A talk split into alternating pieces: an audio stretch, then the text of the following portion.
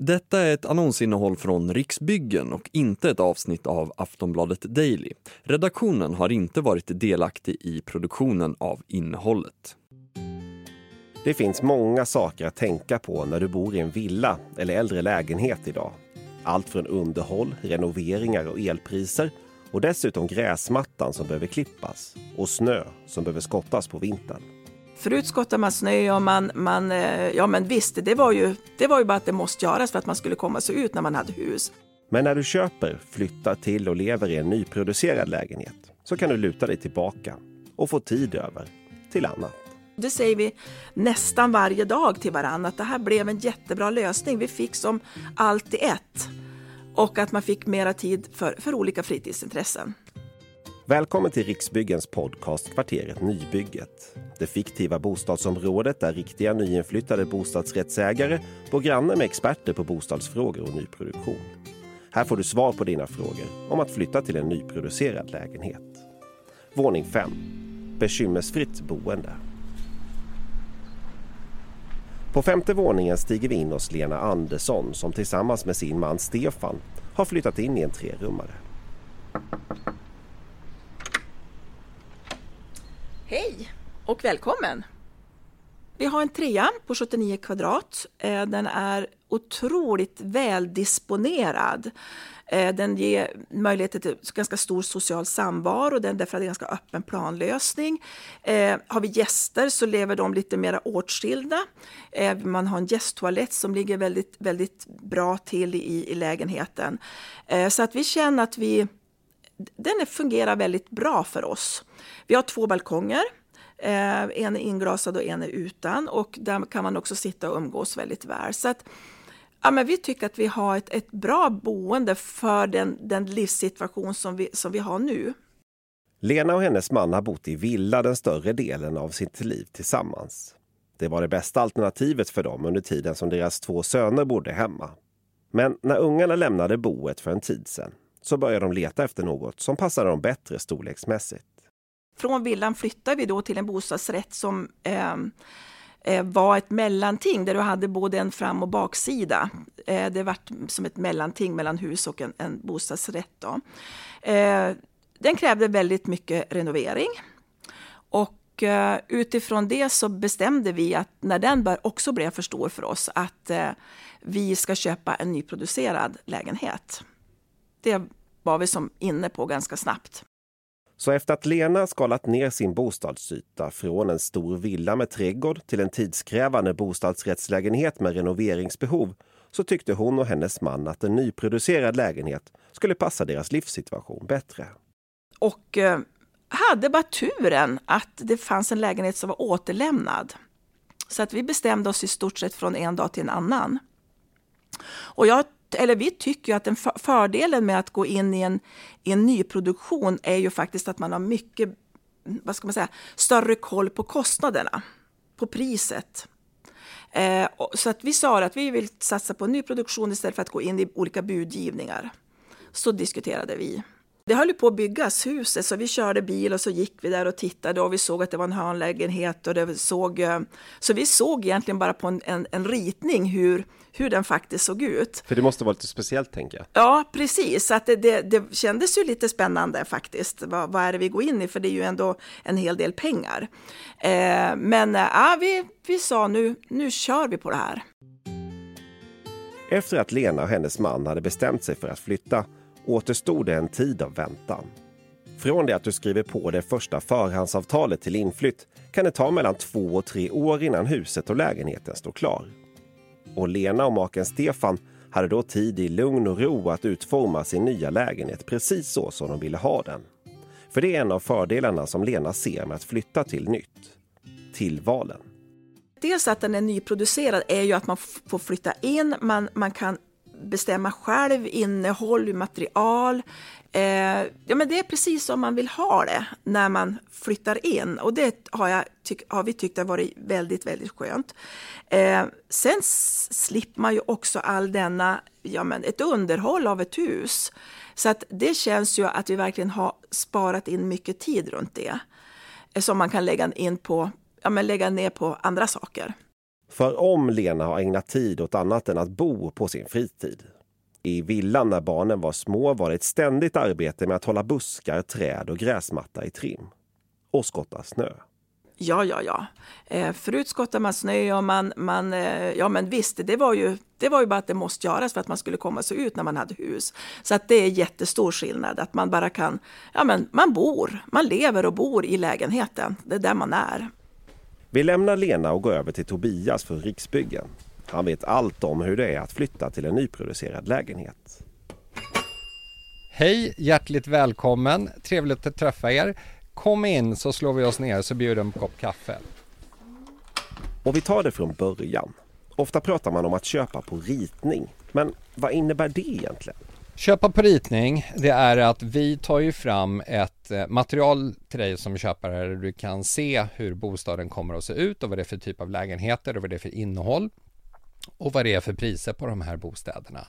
Och då kan du eh, bestämma dig tidigt att du vill köpa en sån bostad. Och sen när vi har sålt ett visst antal av det här så sätter vi igång och producerar själva huset. Eh, och eh, då lägger du ett förskott och sen så gör man en slutbetalning långt senare i detta. Men att köpa på ritning det är innan huset sätts igång och byggs. Måste man alltid vänta då två, tre år innan huset är klart? Eller kan man få en nyproducerad eh, lägenhet eh, snabbare? Jag skulle vilja säga att det finns tre vägar här. Eh, vi har bostadsprojekt som är under försäljning och där vi inte har satt igång produktionen än, men den kommer att komma igång lite längre fram. Och sen så har vi sådana där vi är i full produktion, där det finns fortfarande lediga bostäder eh, att köpa. Och sen så finns det ett antal fastigheter där det är färdigbyggt och där det stora flertalet av lägenheterna är inflyttade. Men det finns några kvar. De kallar vi för inflyttningsklara. Där skulle man i princip kunna flytta in samma eftermiddag som man bestämmer sig. Så det finns ju tre olika spår här beroende på vad som passar en bäst. En del har ju möjligheter att planera lite längre eh, i tid eh, och också då köpa som man kallar det för på ritning och det passar väldigt bra för då kan man planera in lite andra saker och den tidpunkten längre fram kanske passar mer. Eh, och sen finns det de där man kanske inte riktigt har den möjligheten och det kan vara så att man är lite mer lättrörlig. Det kan handla om arbetsmöjligheter, studiemöjligheter eh, och att man faktiskt behöver fundera lite till eftersom det kan vara exempelvis att bank säger att du ska köpa och sälja i samma marknad och då vill man ha en kortare tidshorisont. Eh, och sen så, ja, precis som att handla på successionsmarknaden så en del som vill bestämma sig ena veckan och flytta in andra veckan och det går alldeles utmärkt det också. Och det finns en rad fördelar med att vara först in i en bostad enligt Tobias Dysenius. Det innebär bland annat att man alltid flyttar till ett hus som är byggt med den senaste tekniken och de lagar och förordningar som gäller när den nya fastigheten ska byggas. Dessutom är alla nya Riksbyggenhus miljöklassade. När man då flyttar in så är ju allting nytt eh, och man, det är litet underhåll som behövs. Det är ju egentligen en, ska vi säga, ett, ett löpande bara se till det här med, med hygien, städning, skötsel utanför och så vidare. Så skötsel och, och drift behövs men man behöver inte göra några renoveringar, du behöver inte byta ut någonting och det finns en, en generös garantitid. Så på så vis är det bekymmersfritt. Jag skulle också vilja säga att det som kan upplevas som bekymmersfritt är att vi tänker på det här med energiåtgång och förbrukning exempelvis för att hålla den nere så, så mycket som möjligt. Vi vill ju att de här fastigheterna gör så ett litet fotavtryck miljömässigt som möjligt. Eh, vi gör ju någonting som heter ekosystemtjänstanalys, ett otroligt långt och krångligt ord. Men vad vi gör det är att vi ser över precis vilken typ av fotavtryck vår etablering gör och så försöker vi se hur vi kan kompensera alla de här delarna på ett så bra sätt som möjligt. Allt ifrån på byggnaden, energiförbrukning, då omgivningen i sig för att göra det. Och jag är övertygad om att det, när man vet om att det är så här vi jobbar, att det också skapar en känsla av att nej, men det, är, det är bekymmersfritt och det är genomtänkt hela vägen. Och på tal om energiförbrukning. En stor fördel med att bo i en bostadsrätt är också kontrollen på kostnaderna i allt från elförbrukning till uppvärmning, berättar Tobias Dysenius. Vi stöter på det ofta idag där man, har, man bor i en befintlig bostad eller har bott i en befintlig bostad där man märker att för det första det är kanske alldeles för stora och generösa ytor. Uppvärmningen eh, och elförbrukningen går i taket och framförallt nu att vi har ju kostnader som har dragit iväg något enormt. Eh, och då börjar det här komma i fokus på ett helt annat sätt. Och så märker man också när man flyttar in i en ny bostad, en nyproducerad lägenhet eh, att det är en helt, ett helt annat och mycket lägre effektuttag, eh, vilket jag upplever för många både känns bra och är bra för plånboken. Förr var det status att ha en så stor bostad som möjligt. Men hur vill man bo idag då? Riksbyggen har funnits på marknaden i över 80 år och har ständigt örat mot marken.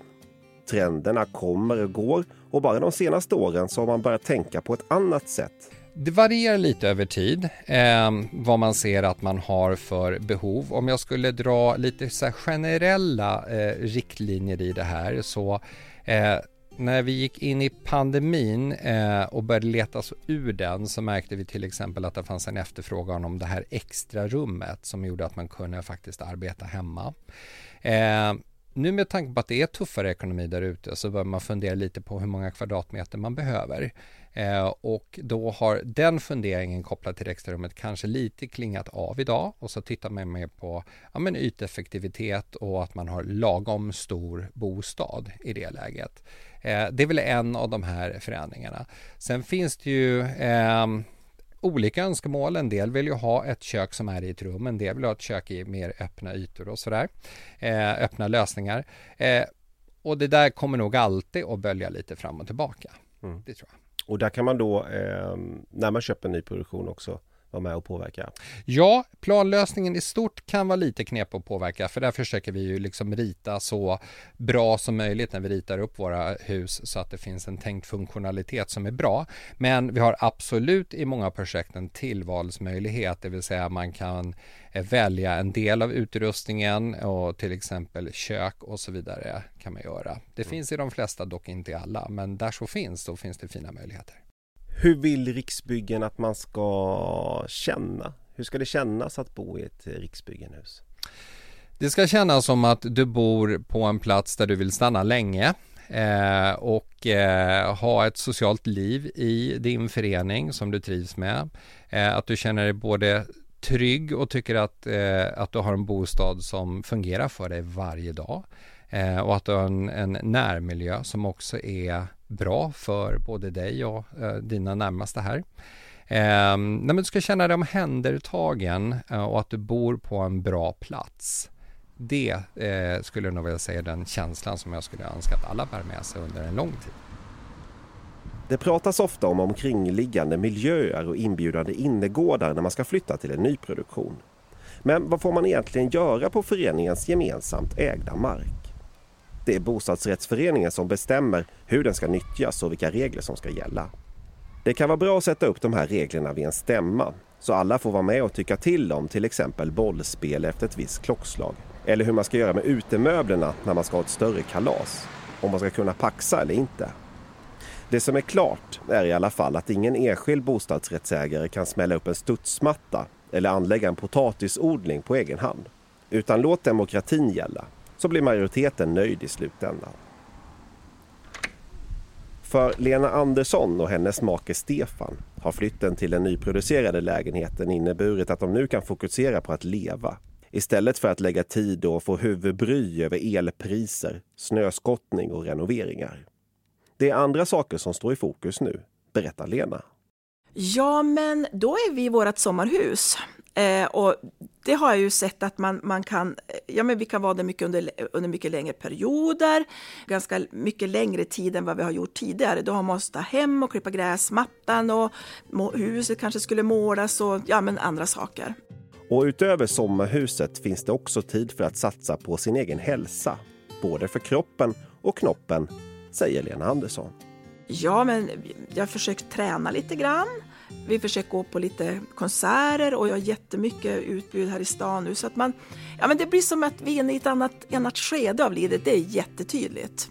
Och då vart lägenheten ja, men en, en del av den här förändringen som vi har gjort. Det, var, det varit en bra lösning för oss och det säger vi nästan varje dag till varandra att det här blev en jättebra lösning. Vi fick som allt i ett och att man fick mera tid för, för olika fritidsintressen. Du har lyssnat på Riksbyggens podcast Kvarteret Nybygget. En podd som ger svar på dina frågor om att flytta till en nyproducerad lägenhet. Vill du veta mer om Riksbyggens arbete och hitta inflyttningsklara lägenheter där du bor? besök riksbyggen.se. Där hittar du också de andra poddavsnitten i den här serien. Vi hörs!